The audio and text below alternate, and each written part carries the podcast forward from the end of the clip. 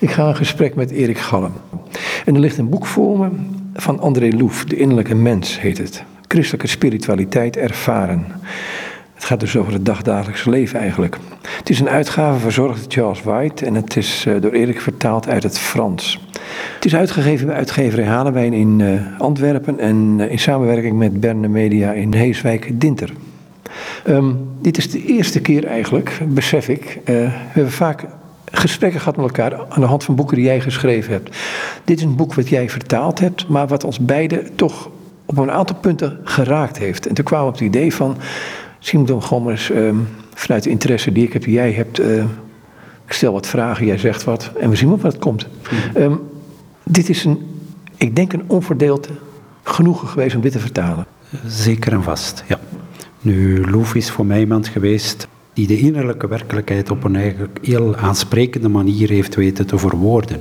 Je kan zeggen, andere mensen hebben dat ook gedaan, maar bij hem treft hij is eigenlijk een, een auteur die altijd vanuit zijn ervaring geschreven heeft. En uh, hij is geen uh, salontheoloog die theorieën bedacht heeft en, en die geanalyseerd heeft, maar die eigenlijk zijn ervaring heeft neergeschreven.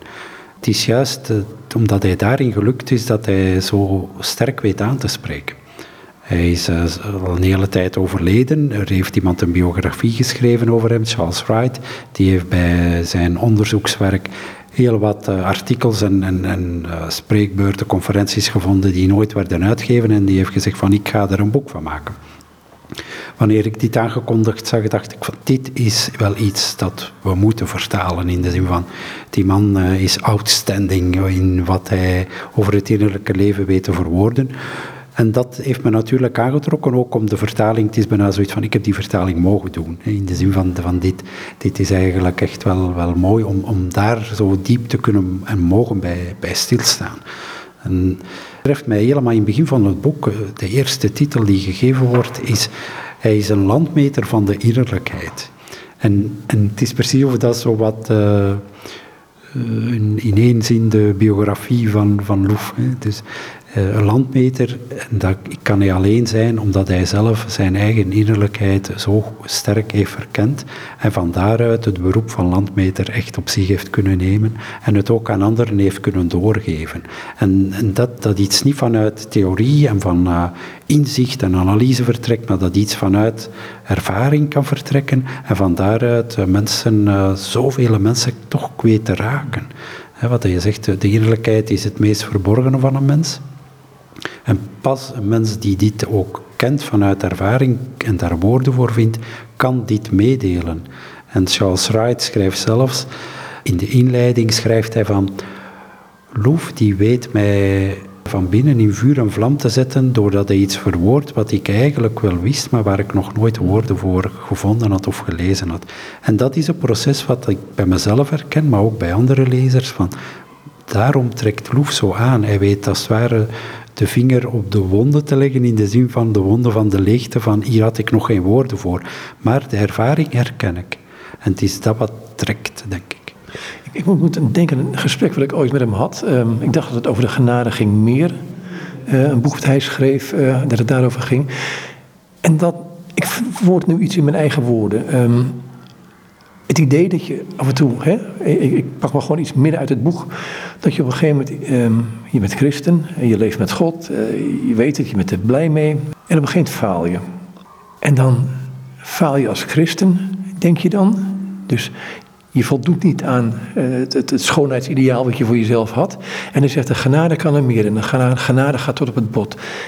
Ik ben het nooit meer vergeten, want het lijkt of we dan tegenover die genadeheid daar een, aan de ene kant een soort ideaal zet van hoe wij als christen zouden moeten leven, maar ook een soort politieagent, een innerlijke politieagent. Weet je, dat herken je wel. Ja, en, en wat mij getroffen heeft, is, is helemaal op het einde staat er een, een nawoord. En dat is geschreven door Benoit Standaard, naar aanleiding van het overlijden van Loef. En daarin beschrijft hij dat Loef eigenlijk in het begin zo sterk een hele goede monnik wilde worden dat dit zijn krachten te boven ging. Dus dat hij aanvoelde van dit, dit werkt niet. Je zou bijna kunnen zeggen van als iemand altijd op zijn type loopt, krijgt hij krampen in zijn voeten. Dus, dus en het is of Loef dit aan de lijve ervaren heeft, hier dan heel letterlijk, zo van ik, ik kan eigenlijk niet de monnik worden die ik op eigen kracht wilde worden. En ik ervaar dit als een soort uh, trigger in zijn leven en een trigger voor zijn spiritualiteit. En dat is zijn eigen ervaring van op eigen inspanning geraken we er niet. En hij geraakte hij er niet als monnik, maar hij heeft dat precies uh, als een rode draad in, in zijn werken. En in wat je in dat boek nu ook leest, van de rode draad is van op eigen kracht geraak ik er niet. Het is, je moet bijna op die limiet botsen voordat je voelt van, tja, als het niet op eigen kracht is, ja, dan kan de genade ook werkzaam worden. He, zo vanaf van het moment dat je de deur gesloten houdt en zegt van, ik doe het en ik wil, ik kan, dan maak je de genade eigenlijk vruchteloos en maak je haar onmachtig. Maar het is omdat Loef dat zo ervaren heeft van tegen een muur gelopen te zijn van ja, ik, ik kan het niet, ik, ik, ik ga er zwaar aan kapot als je dat mag zeggen is bij hem die innerlijke bekering gekomen van nee, maar eh, ik, ik, ik moet het niet kunnen. Het is door Gods genade dat ik het kan. En die rode draad vind ik eh, wonderlijk. Ik vind die niet alleen wonderlijk omdat ik dat mooi vind, maar omdat dat ook aansluit bij eigen ervaring. Hè. Dat als je op eigen kracht alles wil doen, dan denk je, ja, wat, wat ben ik hier eigenlijk mee bezig? Hè? Nou, nou proef ik bij hem, um, wat jij bekering noemt, hè, van oké, ik kan het op eigen kracht niet. En toch komt er dan weer een moment dat je het op eigen kracht niet kunt. Wat, wat is dat? Want we lijken ongeneeslijk op onszelf te willen bouwen. Ik denk dat dat heel juist is. Dus, dus dat hij, en hij geeft dat ook aan, hij geeft op, op verschillende momenten aan van, noem het dan verleidingen, bekoringen, welk, welk woord je daarvoor wil gebruiken, is van dat dit steeds weer binnensluipt. Zo van, ik kan het zelf wel, of ik doe het zelf wel. En hoe die ontmaskering een levensproces is. Hoe je als het ware, en dat klinkt uh, vrij dramatisch, maar zo bedoeld hoeft dat niet, van de ene ontmaskering naar de andere gaat.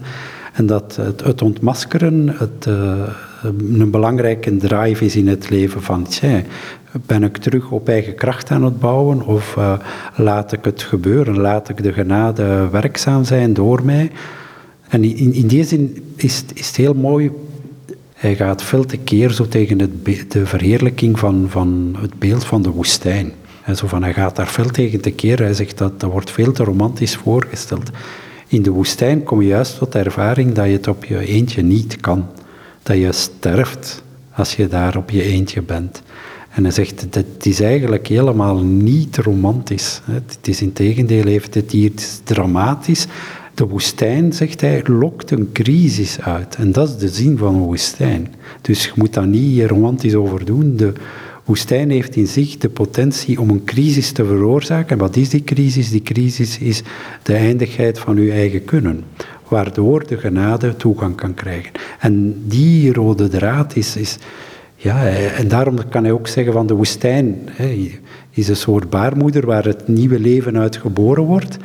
Maar je hebt eerst wel de helse pijn van de bevalling. En de nieuwe mens die ontstaat pas nadat hij door de woestijn gegaan is.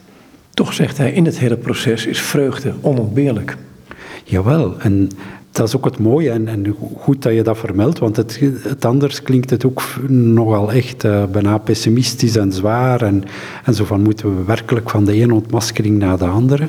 Maar hij zegt van het moment dat je aansluiting vindt op een werkelijkheid die er al is, dan ontstaat er een soort eh, zachte vreugde, zal het hij af en toe benoemen. Zoiets van een vreugde dat je weet van het is oké. De genade werkzaam laten zijn zorgt voor vruchtbaarheid, zelfs al zie ik die niet altijd onmiddellijk of, of zie ik die misschien nooit niet. Hè. Eh, op welke vlakken dat, dat, eh, dat door mij heen God werkzaam is. Maar inderdaad, het is niet de dramatiek van de menselijke afgang. Nee, het is eigenlijk door die crisis van de woestijn staat een nieuwe mens op. En die nieuwe mens is een mens die gelouterd is, maar die ook vreugde in zich kan toelaten en kan laten uitdijnen. En die vreugde is volgens hem echt de aanwezigheid van de geest. Is, is, dat, is dat die relatie die hij ontwikkelt op die manier? Ik denk het echt wel, want voor hem is dit, zo zie ik het dan, hè, de ontdekking van er is een werkelijkheid, het gebed, want daar heeft hij ook dan, dan vaak over. Ja, wat is het gebed? Wij willen ons enorm inspannen om, om te bidden. En zegt hij, maar het gebed vraagt niet de inspanning van ik moet het maken, het vraagt de inspanning om het te laten gebeuren. Hij zal ook echt zeggen, het gebed is een gebeuren. Op een andere plaats zegt hij van het gebed is een bron en wij moeten alleen ervoor zorgen dat die stenen van die bron weggehaald worden. En dan het stromen, daar zijn wij niet verantwoordelijk voor. En dat, dat soort bevrijdende ervaring is zijn eigen ervaring geweest. En hij houdt als het ware niet op om dat als een refrein voortdurend te herhalen en in andere beelden naar voren te brengen van ja, wat maak je dan zorgen over? Van het moment dat je dat ontdekt, dat het gebed een gebeuren is waar je kan bij aansluiten, van dat moment kan de zachte vreugde ook plaatsvinden en, en een gebeuren worden. Dan noemt hij die zachte vreugde ook, zegt het is vaak vermengd met tranen toch? Jawel, en eigenlijk eh, omdat het ervaren van de eigen zwakheid is voor hem fundamenteel. He, zoiets van uh, het zichzelf rechtvaardigen uh, en, en is eigenlijk zeggen van ik heb God niet nodig. En je kan eigenlijk dus pas, om het, eh, om het vreemd te zeggen, naar God kijken als je je eigen zwakheid tegelijk ook in het oog hebt. Dus in mijn aanvoelen geeft dat ook die tranen van ja, ik, ik, ik ben wie ik ben. Ik ben, en dan bedoelt hij dat niet negatief, want dat klinkt, ik ben maar een mens. Hè, dat, dat is niet negatief, ik ben een mens. Dus dat betekent met mijn eigen zwakheid, met mijn eigen beperkingen, met mijn eigen zondigheid, met mijn eigen uh, vallen en opstaan. Maar als die mens ben ik door God bemind. En dat is de kracht en de vreugde, maar daar zit dus altijd ook die, die pijn van, ja, ik ben ook maar wie ik ben. Kan het ook zo zijn dat die tranen en die vreugde, dat dat uh, inherent is aan die ontmoeting met God? Dat je dus die, eigenlijk die barmhartigheid niet goed aan kan? Ja, en daar hoor ik in wat je vraagt ook, en, en, en dat, dat treft mij dan, is van de overdaad. Hè? Dus de overdaad van het onverdiende. Hè? Zoiets van, je krijgt eigenlijk uh, meer dan, dan dat je ten eerste verwacht had of kon inbeelden. Hè? Dus het volume waarmee God geeft is altijd groter. En het verrassende is, en dat tranen niet alleen tranen van verdriet zijn, maar tranen ook van, dit heb ik niet verdiend, maar ik krijg het. En wat is dat eigenlijk? Daar hebben we een ander woord voor, dat is genade. Hè. Zo van, genade is niet van, ik, ik krijg op het einde van de, de, maand mijn loon gestort van God op mijn rekening. Het is al op mijn rekening gestort voor de maand begon. En, en het is die ommekeer en, en die overdaad, zo van, want je zou kunnen zeggen, om het beeld aan verder te er is eigenlijk veel te veel gestort op mijn rekening. Dus en, en dat is het, uh, de kracht van, van dat tranen ook iets hebben van... Uh, ontroering van mogen delen in een overdaad. En, en weten van ja, ik heb die niet veroorzaakt. Dit is puur ontvangen. Ik ben eigenlijk uh, de ontvanger. Maar juist door dat te kunnen zijn, ontvangt je ook een grote kracht van ja, wie ben ik dan? Ja, en het is zoveel dat ik bijna niet anders kan dan het uitdelen of door me heen laten stralen, want dit, dit is te groot voor mij alleen. Er komt het woordje berouw bij mij naar voren toe. Um, als ik het goed heb, dan proef ik bij hem dat berouw dus heel sterk gelinkt is aan God, aan die relatie met God. En niet in de eerste plaats aan um, wat ik beter zou willen doen in mijzelf, om het een beetje gek te zeggen. Ja, het is, is dus, want anders kom je terug in een uh, soort ja, inspanningsmoraal, hè, in een soort moralisme van oké, ik heb het nu fout gedaan, ik ga het volgende keer veel beter doen. En uh, ga je in de plaats van vrijer te worden, strikter worden. In de, ik bedoel dan niet dat je niet strikt moet leven ergens, maar, maar ik bedoel, ga je het in eigen handen nemen. Hè? Ga je, hij zegt zo van, van heel de, de, beeldthematiek van... Uh, we moeten een ladder bestijgen om God uh, te bereiken. Hij heeft daar onmiddellijk zijn bedenkingen bij, gewoon omwille dat het symbool van de ladder kan zeggen van ik raak altijd een stapje hoger. En ik doe het zelf wel. En ik ben het die hoger geraak. Terwijl uh, berouw voor hem is juist inzien van, ja, bijna de omgekeerde beweging. Als mens in de plaats van omhoog te gaan, ga ik telkens een stapje naar beneden en word ik meer de mens die ik werkelijk ben. Of anders gezegd, durf ik meer mezelf zien zoals ik werkelijk ben. En dat is uh, groeien in geloof en berouw ten volle beleven, is voor hem niet van het goed maken in de zin van God, ik zal volgende keer beter mijn best doen dat het nooit meer zal gebeuren, waar dat je het op je eigen rekening zet. Nee, is eigenlijk durven doorgroeien in het zien van je eigen zwakheid en je eigen woestijnplek, waar je zegt van God, vanaf hier ligt het in uw hand uh, en ik ben hier, uh, kom mij ter hulp. ja, zelfs als een monnik wil je dan de dingen toch in eigen hand houden. En desnoods door eh, te vasten, door ascese, ik noem het maar op. Ik heb hem een paar keer ontmoet en ik vond het altijd een verademing om met hem te praten over deze dingen. Ja, ik denk het omdat hij had uh, op een dieper niveau door dat die dingen belangrijk zijn en tegelijk relatief zijn. En er zijn weinig mensen die die combinatie kunnen maken. Hè. Zo van, uh, hij zegt niet dat je niet moet vasten, maar hij zegt het is niet door te vasten dat je God het bewijsmateriaal geeft van ik ben goed.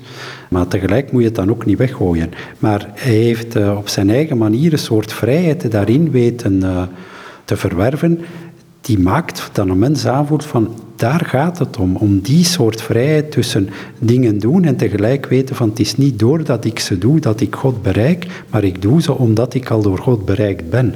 En daarom wil ik ze ook doen als uitdrukking van die relatie en als uitdrukking van ik wil niet alleen achter mijn eigen ego aanlopen.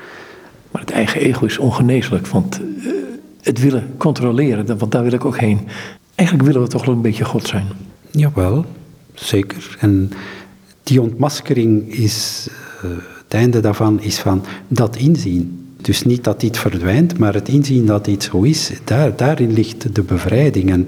En, als ik het had over het ontmaskeren, is, is telkens een schil van, van die ui eraf doen en merken dat er een volgende zit. En dat, dat dus eigenlijk het ego zich steeds weer manifesteert. In, in, die zin heb ik, maar dat is dan persoonlijk iets van rond het egoloos bestaan. Ik, ik geloof daar niet in, in de zin van omdat ons ego ervoor zorgt dat we zijn wie we zijn. Maar bij het ego ligt de, de, de, het verlangen van het ego is om zich op te sluiten.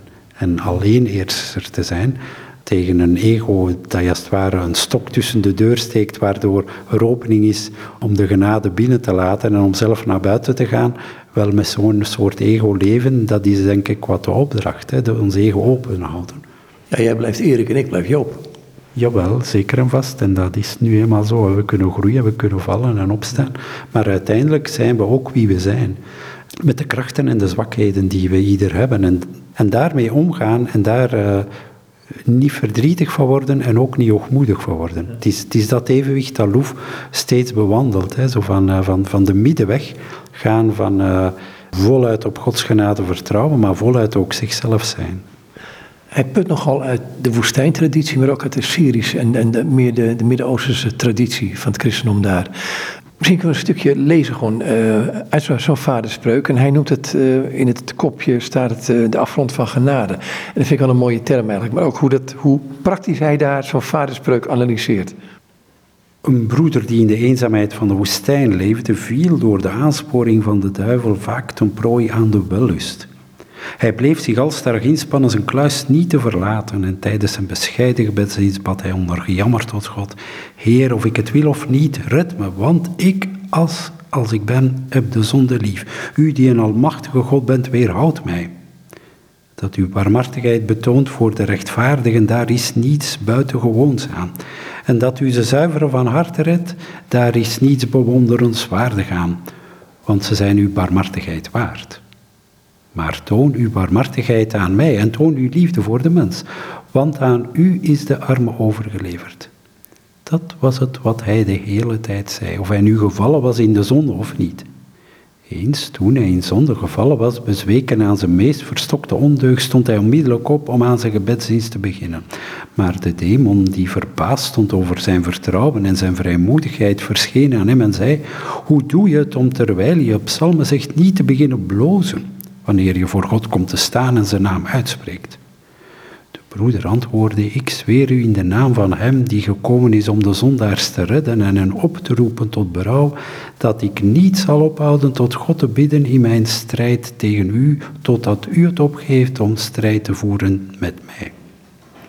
En we zullen zien wie er wint, u of God. Bij deze woorden zei de duivel tegen hem, mijn besluit staat vast. Ik geef het op strijd te voeren tegen u. Straks doe ik u nog een kroon aan de hand door uw volharding. Zo waardevol is geduld dat de moed niet verliest, zelfs al vallen wij in onze strijd een prooi aan onze zonden en bekoring. En dan wat André, hierover, André Loef hierover schrijft, dat, dat vind ik eigenlijk, denk ik, ja, dat is een analyse die kan ik, eh, ja, smul is een verkeerd woord in dit soort dingen, maar het zijn wel dingen die je meteen pakt. Ja, hij, hij gaat het hebben over, het gaat niet over u te laten ontmoedigen door wie je bent. Hè. Dus, dus geloof, en dat is natuurlijk typisch voor een Benedictijnse spiritualiteit, kan je zeggen, maar haalt het woord nederigheid van onder het stof, maar op zo'n manier dat het geen te neerdrukkende werkelijkheid is, maar eigenlijk een, een verhelderende werkelijkheid. Hè. Verhelderend, nederigheid is eigenlijk zichzelf kunnen zien zoals men is, zonder daar ontmoedigd van te geraken. En dat is wat eigenlijk, da, daar spruit dan als het ware de volharding uit voort van, van die monnik die zegt, ik geef het niet op. Ja, maar bloos je dan niet, zegt de demon. En ja, de monnik zou eigenlijk kunnen antwoorden, ja, ik bloos wel wat, maar ik ben wie ik ben. Dus dit, dit blozen is niet van, van, van schaamte, van ik, ik durf me niet tonen aan God zoals ik ben. Nee, ik toon me aan God zoals ik ben, me bewust van mijn, van mijn zwakheid die er altijd is. En, en het is die dynamiek en als het ware die, die kracht die daarvan uitgaat, die, die loef weet naar boven te halen. En dit in iets wat, wat als woord, als, als werkelijkheid zeker in onze tijd, maar eigenlijk voor elke mens moeilijk valt, is het verstaan, wat is dat dan, nederigheid? En het mooie is, als je zou Alouf vragen, moest hij nog kunnen antwoorden, zou hij zeggen, ja, u niet laten ontmoedigen door wie je bent. Dus omgekeerd betekent dat van, wees maar fier op wie je bent, in de zin van, maar ja, wees ook wie je bent. Je moet je niet anders voordoen dan je bent. En de kracht die daarin verscholen gaat, zit in een klein hoekje, om zo te zeggen, want het is moeilijk te vinden. Spontaan, als we ons naar God keren, eh, zouden we zeggen, ja, wie ben ik? En dan is goed, ja, je bent een mens, hè? je bent mijn geliefde, dus uh, je hoeft je niet weg te steken. En, en, en die aantrekking van ik mag eigenlijk zijn wie ik ben, die nederigheid geeft een, en zoals ik zei, is, is een verhelderend kijken naar onszelf en ook naar God. Want God, daardoor komt Gods liefde in al zijn helderheid op ons af. Van, hij ziet ons graag zoals we zijn. Dus dat betekent ook met onze zwakheid, ook in onze zondigheid, ook in ons falen. Dus dit zijn geen obstakels voor God. Wij maken daar een soort hinderpaal en we maken er een hindernissenkoers van. Dingen die we allemaal moeten overwinnen, achter ons laten, voor God ons graag zou zien of voor wij uiteindelijk en dat is het uh, vermetelen bij ons, voor we onszelf graag zouden zien. Als, we, als ik uh, foutloos parcours afleg, dan kan ik mij voor God vertonen, maar dan ben ik ook vooral fier op mezelf. En zeg ik tegen God, zie een keer wat een atleet hier voor u staat. En God zegt, ja, sorry, uh, dit is fake. En dat is wat nederigheid is. Wees niet ontmoedigd. Maar dat betekent dus ook dat je dus een, een, een wezenlijk, een, ook voor jezelf, misschien het beeld van God moet corrigeren. Want je hebt misschien een beeld van God waar je denkt van ja, hij verlangt iets van me of hij wil iets van me of uh, ja, noem het maar op. Ik denk dat, dat dit inderdaad, dat, dat, dat die combinatie goed legt en dat die helemaal juist is. Hè? Want uh, het willen beantwoorden aan een bepaald beeld dat we van God hebben, maakt dat we een vooraf uitgetekend parcours willen afleggen, terwijl God met ons een heel persoonlijke weg wil gaan. En dat, eh, dat hij een heel ander parcours wil uittekenen en dat dit al gaandeweg gebeurt. En niet zoiets van, wij zijn niet de plannenmakers. Hè. Wij zijn uh, de lezers van de kaart, maar wij moeten de kaart niet maken. En het is of wij zelf... En, en dat klopt heel, juist wat je zegt. Dus van het beeld van God uh, moet ook vrijer en, en breder kunnen worden, zodat God eigenlijk meer en meer kan worden wie hij is.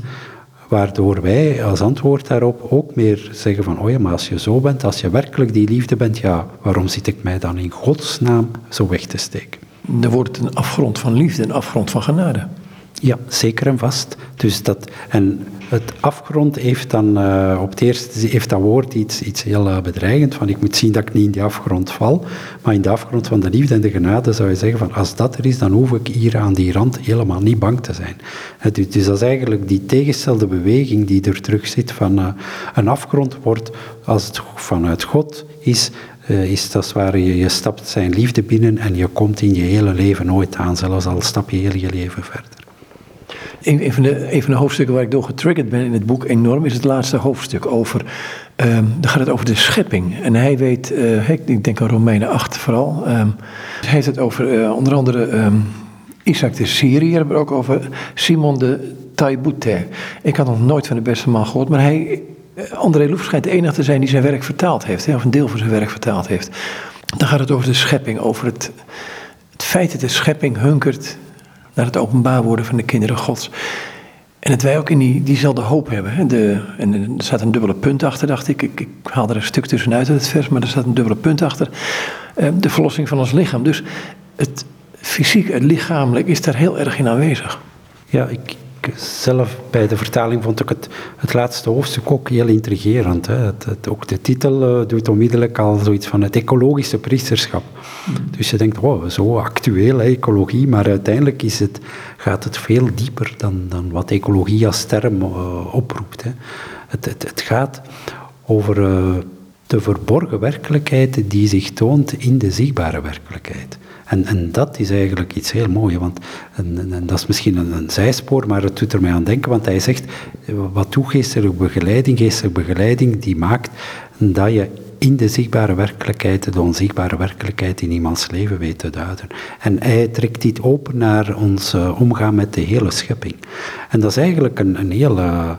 Ja, het is plots of, of hij een deur openzet, waar dat je zegt van, wow, die, die ruimte die dan vrijkomt en die openkomt, is zo groot, dat je bijna aarzelt. Hè? Dat je zegt van, ja, uh, als in heel de schepping de, de geest verborgen zit en wacht om gezien en ervaren te worden, de, daar gaat zo'n uh, een kracht van uit dat je de verborgen naam, de verborgen werkelijkheid op het spoor wil komen. Op een bepaald moment is er uh, in dat hoofdstuk ook een tekst, en, en dat dat is ook sterk blijven hangen, waar het gaat over van, de mens mocht naam geven aan alle dingen. Mhm. Maar de diepste naam van alle dingen is eigenlijk Jezus. Dus het gaat dan over het Jezusgebed. En ik vond het heel mooi om te zeggen van ja, als je al wat je tegenkomt Jezus zou noemen, dan kom je bij de echte naam. Dus de aanwezigheid van Christus in alles is eigenlijk iets, iets letterlijk onvoorstelbaar. We kunnen het ons niet voorstellen. Maar de aanwezigheid is er wel. En, en, en, hij verlaat de, de scheiding die wij leggen, dus wat we niet zien is er niet. Hij zegt, wat we niet zien van Gods aanwezigheid, die is een constante aanwezigheid. Hè. Zo, en de geest die wacht, de baren zweeën. En dus, dus eigenlijk, de, de onzichtbare werkelijkheid wil geboren worden. En in dat hoofdstuk gaat hij ook heel sterk ervan uit van, er zijn bepaalde mensen die daar een soort gevoeligheid voor ontwikkelen. En die eigenlijk, uh, ja, als het ware contact, dat klinkt vreemd, contact maken met, want dat klinkt zo precies, we maken het weer uh, zichtbaar en, en, duidelijk, maar die eigenlijk wel vanuit een aanvoelen van die verborgen werkelijkheid zelf uh, stralende mensen worden. Omdat zij in alles de verborgen werkelijkheid vermoeden, maar ook eigenlijk erin geloven en van daaruit leven. En, en dat is een, een dynamiek die en, en van daaruit het ecologische, als term gebruikt hij hier op, een heel unieke manier. En, en dat is zo van, de hele schepping die ons omringt, is eigenlijk een toegangspoort naar een verborgen werkelijkheid waar God zich schuilhoudt.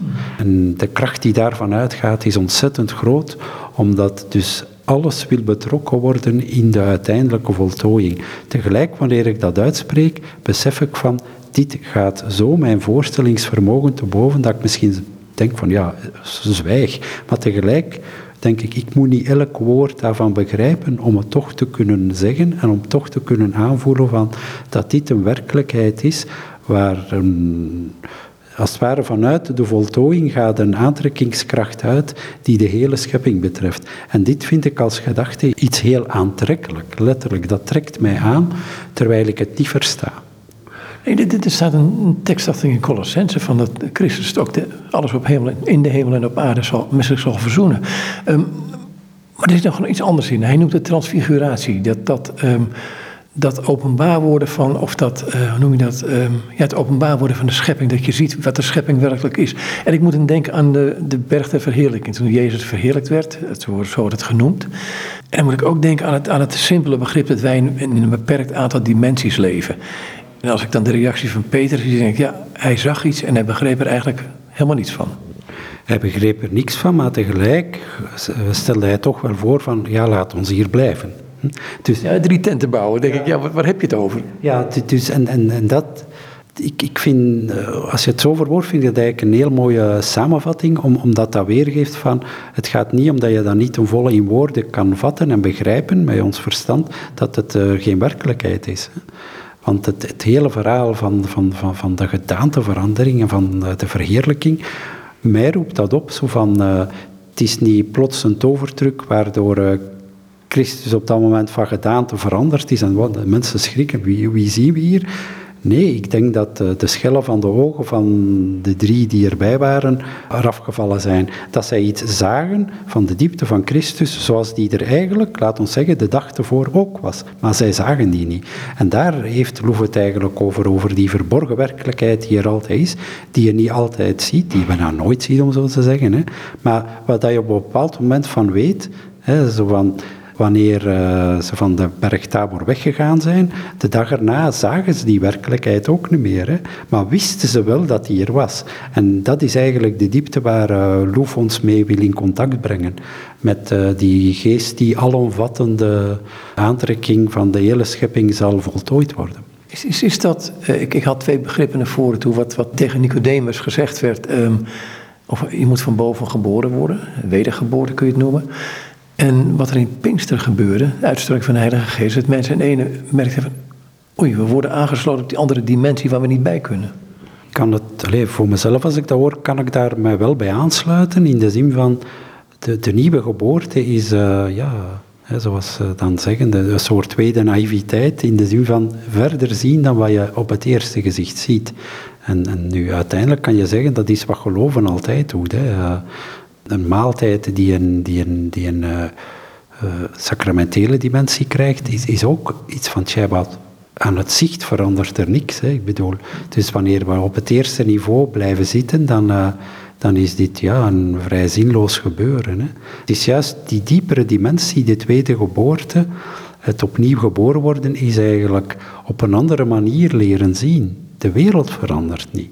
De werkelijkheid van God, die, die, die is aanwezigheid en waar je op kan stoten en waar je in kan geloven, maar die, die je niet veroorzaakt. En, en, eigenlijk sluit dat bij heel sterk aan bij van het gebed is een aanwezigheid, is een gebeuren, is een stroom die er al is, maar op een bepaald moment in je leven ga je die vermoeden en ga je eigenlijk geloven dat dat verder stroomt. Want je gaat je hand nooit op die stroom kunnen leggen, je gaat die nooit letterlijk voelen of zien. En toch stroomt de geest een verenigt die mensen en gaat die mensen samenbrengen en houdt die zich eigenlijk overal schuil.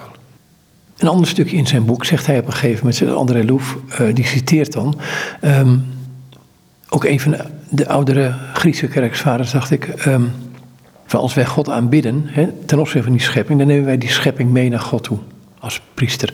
Aanbidden wij God niet, dan vallen we op onszelf terug, eigenlijk uit de genade, maar ook, ook die schepping laten we barsten. Ja, en als we, in, in zijn schrijven gaat hij dit heel, uh, en niet in de verkeerde zin van het woord bedoel, spiritueel bedoelen. Hè? Dus van wij, wij nemen eigenlijk de hele schepping mee op dat God uh, voltooiing een gebeuren kan zijn en, en dat wij daar ook in delen. Uh, automatisch, als we dat nu lezen in onze tijd, dan denken we ja, de hele schepping meenemen betekent ook uh, ecologie dan in de andere zin van het woord. Hè, dat we als mens ook mee verantwoordelijk zijn voor, voor die hele schepping in, in, de, in de realiteitsdimensie, om die te behoeden en beschermen, juist omdat dit een bewoonde schepping is en omdat die schepping niet ons maaksel is, hè, waar wij zomaar mee doen wat we willen, maar dat we krijgen om door te geven. En, het is eigenlijk, dus dat daar een hele sociale dimensie en een wereldomvattende dimensie zit, zal bij Loef vanuit het uh, religieuze, spirituele ontstaan, maar uiteindelijk voel je onmiddellijk aan van dat het ook zijn bedoeling niet kan zijn om het daarbij te houden. Hè. Zo van de hele sociale dimensie die we dan ook uh, ja, in Pas Franciscus en encyclieken zullen lezen van ecologie, hebben eigenlijk hun wortels in heel die, in dat bewustzijn van ja, we, vormen één mensengemeenschap, één wereld, één schepping. En het respect voor de schepping is respect voor de mens en voor de mens ook aan de andere kant van de wereld. Dus, dus eigenlijk die dimensies, daar zal Loef het uh, in zijn geschriften niet zo expliciet over hebben. Nu, uiteindelijk kunnen we zeggen dat is iets wat, wat ook nog niet zo lang heel expliciet uh, in kerkelijke kringen verwoord wordt. Hè. Die, het, het echt duidelijke bewustzijn van dit is een, de ecologie op zich, wat de wereld en de natuur, de schepping betreft, maar de mens als... Uh, medeschepper en, de, en het beschermen van de naaste en de solidariteit zijn dingen die daar automatisch bij horen. Ik weet, in de Reformatie, Butcher heeft erop op gewezen en die heeft er al een gedicht over gemaakt. En het gedicht eindigt heel triest met: Wij weten als mens de schepping altijd te vernielen. Ja, de vernietigingsdrang uh, en het niet rekening houden met. Het is een trieste gedachte, kan je zeggen. Tegelijk uh, is er wel een groot werkelijkheidsgehalte aan verbonden. Hè? Zo in de zin van, uh, als je de klimaatconferenties naar elkaar zet, hè, met uh, de doelstellingen die op voorhand, ge, ja, waar men het op voorhand over heeft. En, en, als je dan de resultaten ziet en de opvolging gaat bekijken, dan kan je zeggen, want ja, het bewustzijn, de mens is nog niet volledig wakker geworden hè, om, om, om echt actie te ondernemen. En, het is, het is geen twee voor twaalf, maar het is misschien vijf na twaalf en men doet nog altijd of, of er wel nog heus de tijd is. Maar als men sommige studies mag geloven, zijn sommige dingen ook wel irreversibel aan het worden. Hè. Dus, dus het negatieve van het slot, ja, uh, maar het, het, zou moeten een wake-up call veroorzaken in plaats van ons droevig maken. Maar goed, wat Boetje schreef, schreef hij in de 16e eeuw, dus al een tijdje terug. Hè? Nee, nee, dat is, dat is inderdaad helemaal niet, uh, zo gezegd, van onze tijd, maar het is wel enorm transponeerbaar. Wat zijn nou, als je dit boek bekijkt, je hebt in het begin al iets over gezegd, wat zijn nou die dingen die ik zeg, nou, dit zijn voor mij, want je hebt meer van André Loef gelezen, neem ik aan. Um, wat zijn nou van die eye-openers geweest voor jou in dit boek, behalve dat laatste stuk waar we het net over hadden, over die schepping?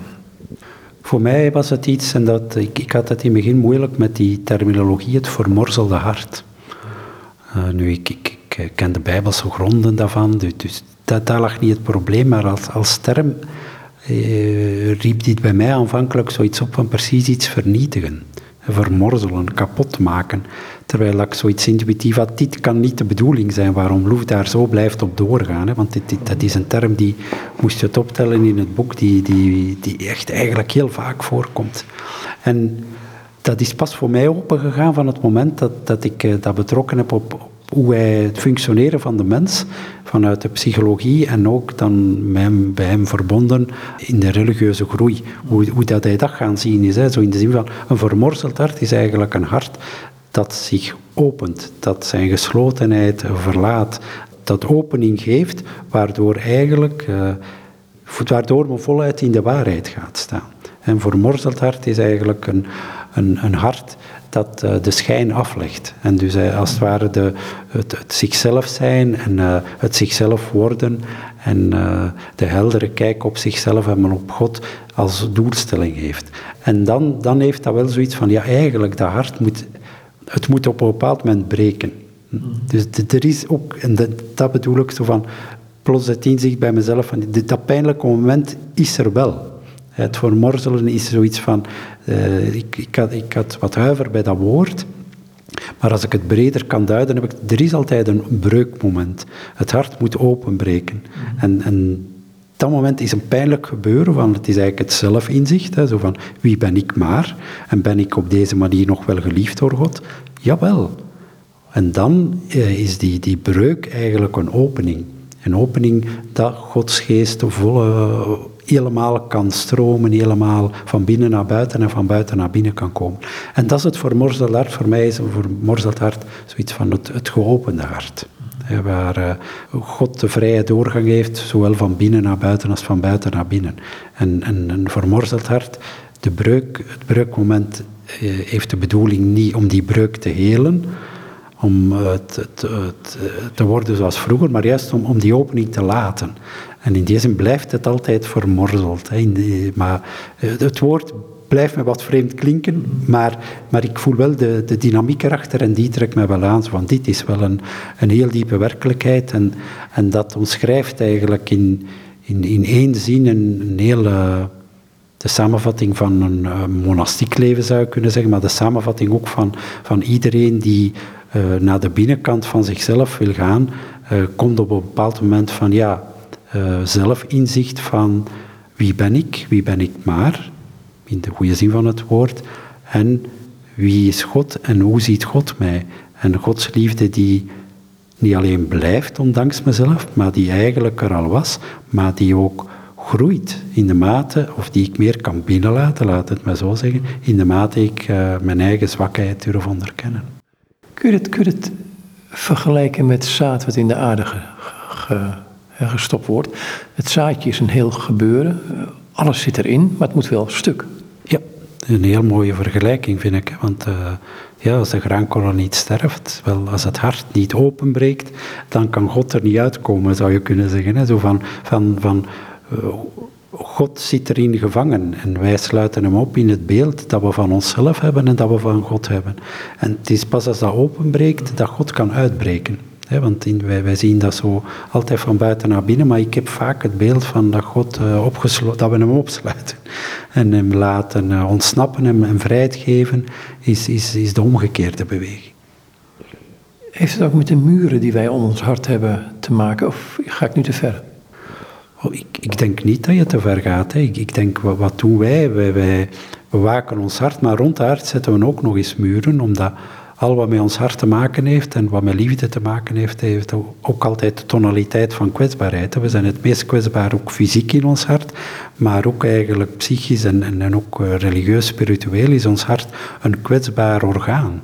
En uh, dat we dat gemakkelijk uh, ommuren, ja, dat is een soort van zelfoverleving of van een soort instinct van bescherming, van, van beveiliging, tot we inzien van ja, voor God moeten we die beveiligingsmuur niet maken, hè, want we houden hem niet buiten, we laten hem niet van binnen naar buiten gaan daardoor. En dat besef, die ommekeer vind ik heel, eh, vind ik heel cruciaal. Van, van, we zitten naar buiten kijken van waar is God en eigenlijk zit hij binnen te wachten en we houden hem opgesloten achter de muur. Komt er bij ook je je ware identiteit naar, ja, ik vind dat een rot woord, maar goed, je ware identiteit naar buiten toe. Wie jij als Erik bent, als jij um, je laat vermorselen, weer het nare woord voor jou, maar goed, als het hart openbreekt, uh, komt dan die ware Erik zoals hij zou moeten zijn naar buiten toe? Of kan hij daardoor naar buiten komen? Kan hij er buiten gekeken worden? Ik, ik, ik versta ook dat je zegt, ja, dat, dat is zo'n bizar woord, identiteit, maar identiteit komt wel duidelijk naar voren in die zin van dat het een relationeel gebeuren is. Mhm. Dus dat je eigenlijk contact als de hart zich opent, dat, uh, dat God daarin aanwezig was, dat het je leven eigenlijk begint vanuit een ander die er al is. En het is, die dynamiek die een mens bevrijdt. Niet dat je daar altijd op dezelfde intense manier eh, over denkt en voelt en ervaart, zeker niet. Maar eigenlijk wel dat diepe besef van als dit zo is, dat, dat daar mijn leven vanuit ontstaat en gevoed wordt. Vanuit die relatie die God mij aanbiedt en waar hij het is niet omdat mijn hart geopend wordt dat hij mijn hart verlaat. Hij blijft daar, maar hij, hij wil ook uh, zich geven en om, het vreemd te zeggen, zich vermenigvuldigen uh, in, in, in heel de omgeving waar ik mij begeef.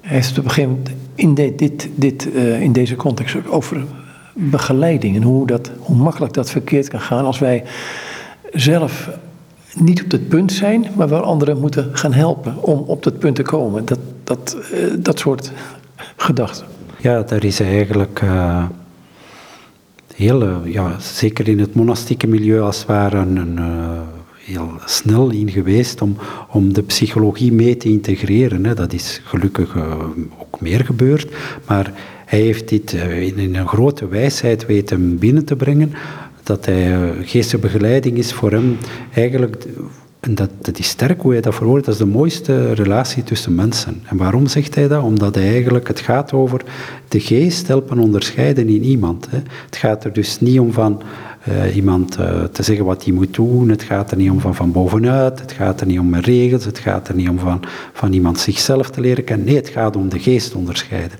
En, uh, en daarin, daar geef je heel terecht aan, waarschuwt hij met, met kracht zo van hoe verleidelijk het is dat bepaalde eigen uh, onvolmaaktheden of het zichzelf niet kennen of uh, zichzelf willen manifesteren of te zorgend willen zijn. Of dat dit allemaal, dat we dit tegen het licht moeten kunnen houden wanneer, er wanneer we iemand zouden begeleiden.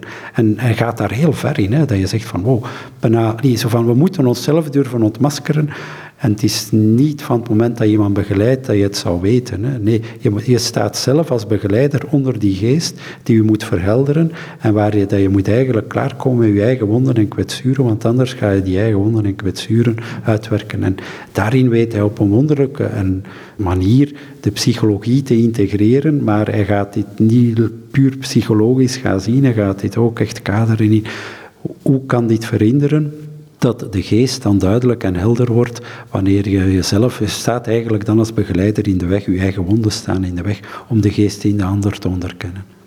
Dan heeft ook psychologie, eh, meen ik te begrijpen van hem, zijn grenzen. Je kunt het heel goed gebruiken, maar uiteindelijk zou je toch moeten herkennen waar de geest, eh, die onderscheiding van geesten. Ja, hij maakt daar een, daarin is hij ook duidelijk, en wat, wat, wat, wat, wat, uh, wat ik eigenlijk fijn vind om te lezen, is zijn duidelijkheid daarin van dit is een een noodzakelijk instrument, maar uiteindelijk de onderscheiding van de geest en, die, en, en, van daaruit het antwoord samen met iemand uh, laten duidelijk worden, oplichten, onderscheiden, dat is een ander niveau nog. En dus wanneer je puur op psychologische van, zoals we dat tegenwoordig dan zouden noemen, de, de transfer, de overdracht, gaat bekijken, oké, dat kan interrelationeel, kan iemand daar veel mee leren, daar, daar gaat hij zich zelfs niet over uitspreken. Maar in geestelijke begeleiding is dat niet het einddoel. In geestelijke begeleiding is van, dat is een tool, een instrument om ook uzelf als begeleider eigenlijk te groeien, naar uw eigen kwetsuren te durven kijken, dat die niet interfereren of zo weinig mogelijk interfereren of dat ontmaskeren wanneer ze interfereren. Maar uiteindelijk gaat het erom van waar is die geest aan het bewegen en wat wil die voor die mens wat wil die duidelijk maken, ook door mij als begeleider eventueel. En, maar dus inderdaad, eh, hij maakt daar duidelijk een onderscheid. Zo van, hij laat dit los om verder te gaan. Zo van, uh, het gaat om het diepere en dat kan, zoals je kan zeggen, als je een bril op hebt, je moet die bril wel eens goed afkuisen om goed te kunnen zien. En uh, zoiets van de psychologie kan je helpen, maar uiteindelijk gaat het om het zien, het onderscheiden van waar de geest naartoe wil. En daggeschenk, daar gaat het voor hem om. Betekent dat soms ook dat je een stap terug moet doen en alleen maar moet luisteren, misschien? Jawel, ja, heel, heel juiste bedenking. En daar gaat hij ook heel veel nadruk op leggen. Op, de luisterende attitude is eigenlijk iemand. En, en, zo luisteren dat iemand ook zijn eigen zwakheden durft in woorden brengen. Dus de kunst van het luisteren is de kunst in geestelijke begeleiding is eigenlijk, om het vreemd te zeggen, dezelfde barmhartigheid en warmte die God eigen is als begeleider ook te incarneren, waardoor die persoon naar zichzelf durft kijken en woorden durft geven aan, aan zijn eigen zwakheden zonder ervan weg te lopen, omdat hij weet van ik word hier beluisterd zoals ik ben en ik word hier niet veroordeeld. En, en dat maakt dat iemand kan groeien en een breder zicht krijgt en een dieper zicht krijgt op zichzelf.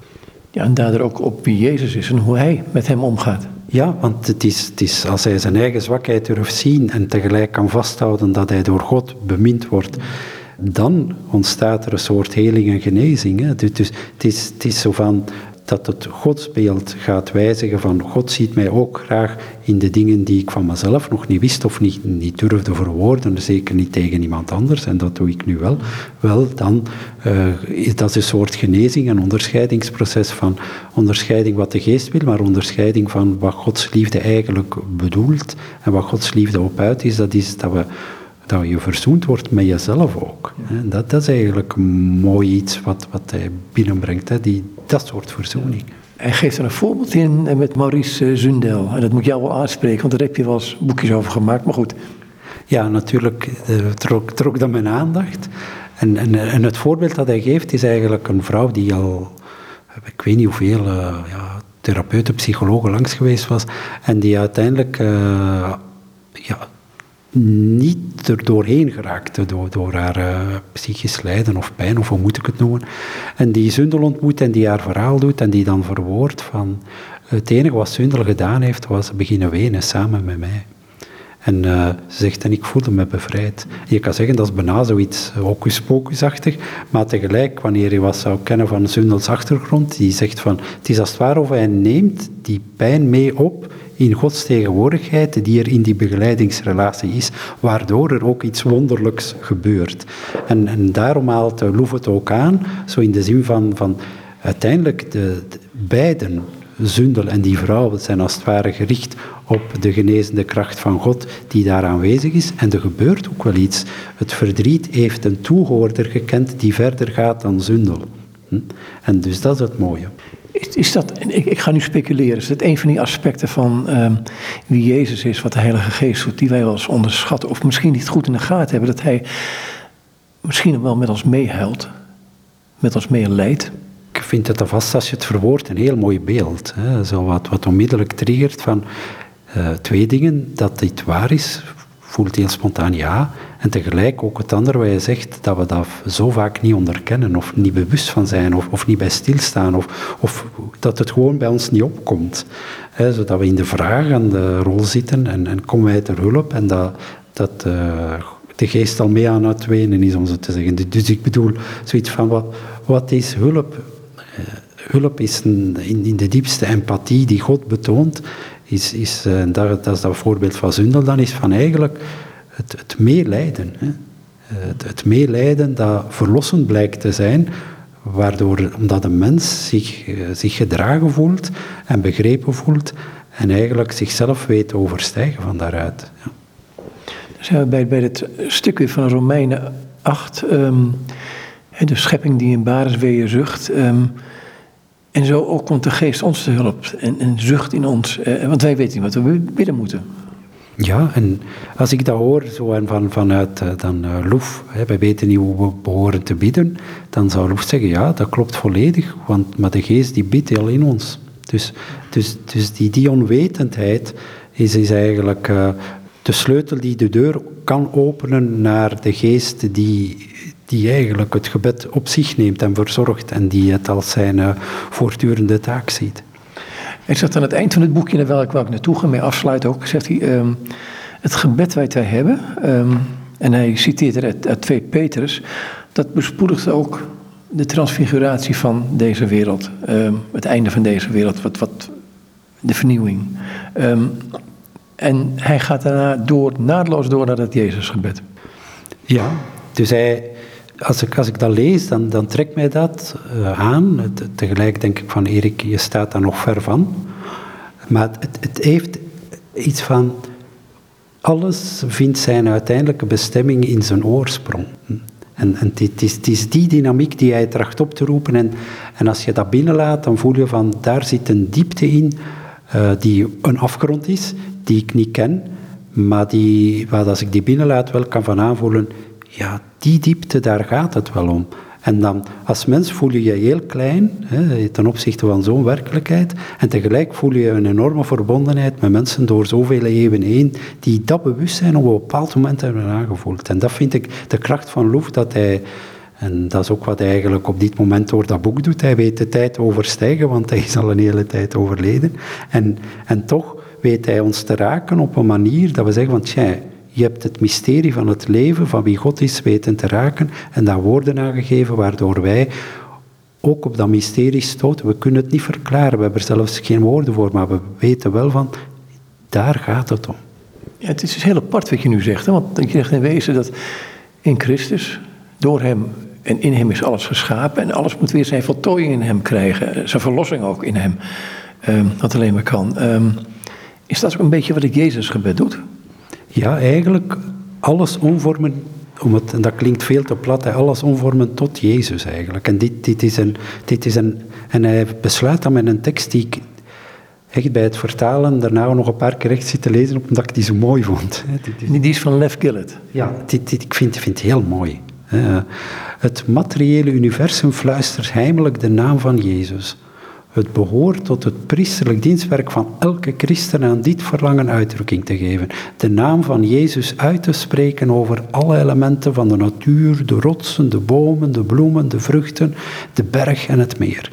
Het behoort tot het dienstwerk om een antwoord te geven op deze lange, woordeloze en onbewuste verwachting. Wij zijn ook in staat de wereld van de dieren te transformeren. Jezus die verkondigt dat geen mus door de Vader vergeten wordt, sluit de dieren niet uit van zijn goedheid en zijn invloed. Zoals Adam in het paradijs komt het ons toe om aan alle dieren een naam te geven, welke naam de wetenschap zo ook heeft. Wij spreken over allen de naam van Jezus uit en schenken hen op die manier hun eerste waardigheid terug die wij zo dikwijls vergeten. Op die manier herinneren we ons dat ze door de Vader in Jezus en voor Jezus geschapen zijn en bemind. maar het is vooral in relatie tot de mensen dat de naam van Jezus ons zal helpen in het dienstwerk van de transfiguratie. Het gaat hier over een concrete en krachtige manier die ons helpt om mensen om te vormen in hun diepste en goddelijke werkelijkheid. Die mannen en vrouwen die we ontmoeten op straat, in de fabriek, op kantoor, en vooral zij die ons irritant en onsympathiek overkomen, Laten we ons tot hen richten met de naam van Jezus in ons hart en op onze lippen. Laten we hen heel stilletjes aanspreken met die naam die hun echte naam is. Door de stille erkenning en aanbidding van Jezus, die gevangen zit in de zondaar, in de misdadiger, in de prostituee, bevrijden wij op een of andere manier zowel deze arme gevangen als onze meester. Als we Jezus zien in elke mens, als we de naam Jezus uitspreken over elke mens, dan zullen we door de wereld gaan met een nieuwe gezindheid. Zo kunnen wij, in de mate dat Hij in ons is, de wereld veranderen. Ik vind het een prachtige tekst, mooi om mee te eindigen, maar ik vraag nog iets anders. Um, ik moet denken aan een tekst van Paulus. Wij zijn een geur van Christus als we hem gegeven zijn. Dat aspect, maar ook wat Bonhoeffer ooit een keer zei. Die zei, eh, voor ik met iemand praat over Jezus, praat ik iets met Jezus over hem. Dat aspect. Ik vind het een heel mooi beeld. Zeker van Bonhoeffer blijft uh, onmiddellijk plakken in de zin van... Het is een soort trialoog. Hè. Ik bedoel, je, van het moment dat je je eerst fine-tuned, zoals we het in onze tijd zouden zeggen, op Jezus, ga je op een andere manier met iemand in contact treden. Hè. Uh, zoals wij voor dit gesprek uh, eerst gebeden hebben, om eigenlijk duidelijk te maken voor onszelf dat Jezus hier aanwezig is. En, en dat maakt dat het anders wordt. Denk ik ook. Hey, ik wou het hierbij laten. Dankjewel. Graag gedaan. En dit is Erik Galle. Hij is de vertaler van het boek De innerlijke mens van André Loef. Christelijke spiritualiteit ervaren. Het is een boek uitgegeven bij uitgeverij Halenwijn in Antwerpen. In samenwerking met Berne Media in Heeswijk-Dinter in Nederland. Ze hebben een website www.halewijn.info. Daar vindt u meer informatie over dit boek. Goed, nogmaals, tot zover dus dit gesprek met Erik Galle.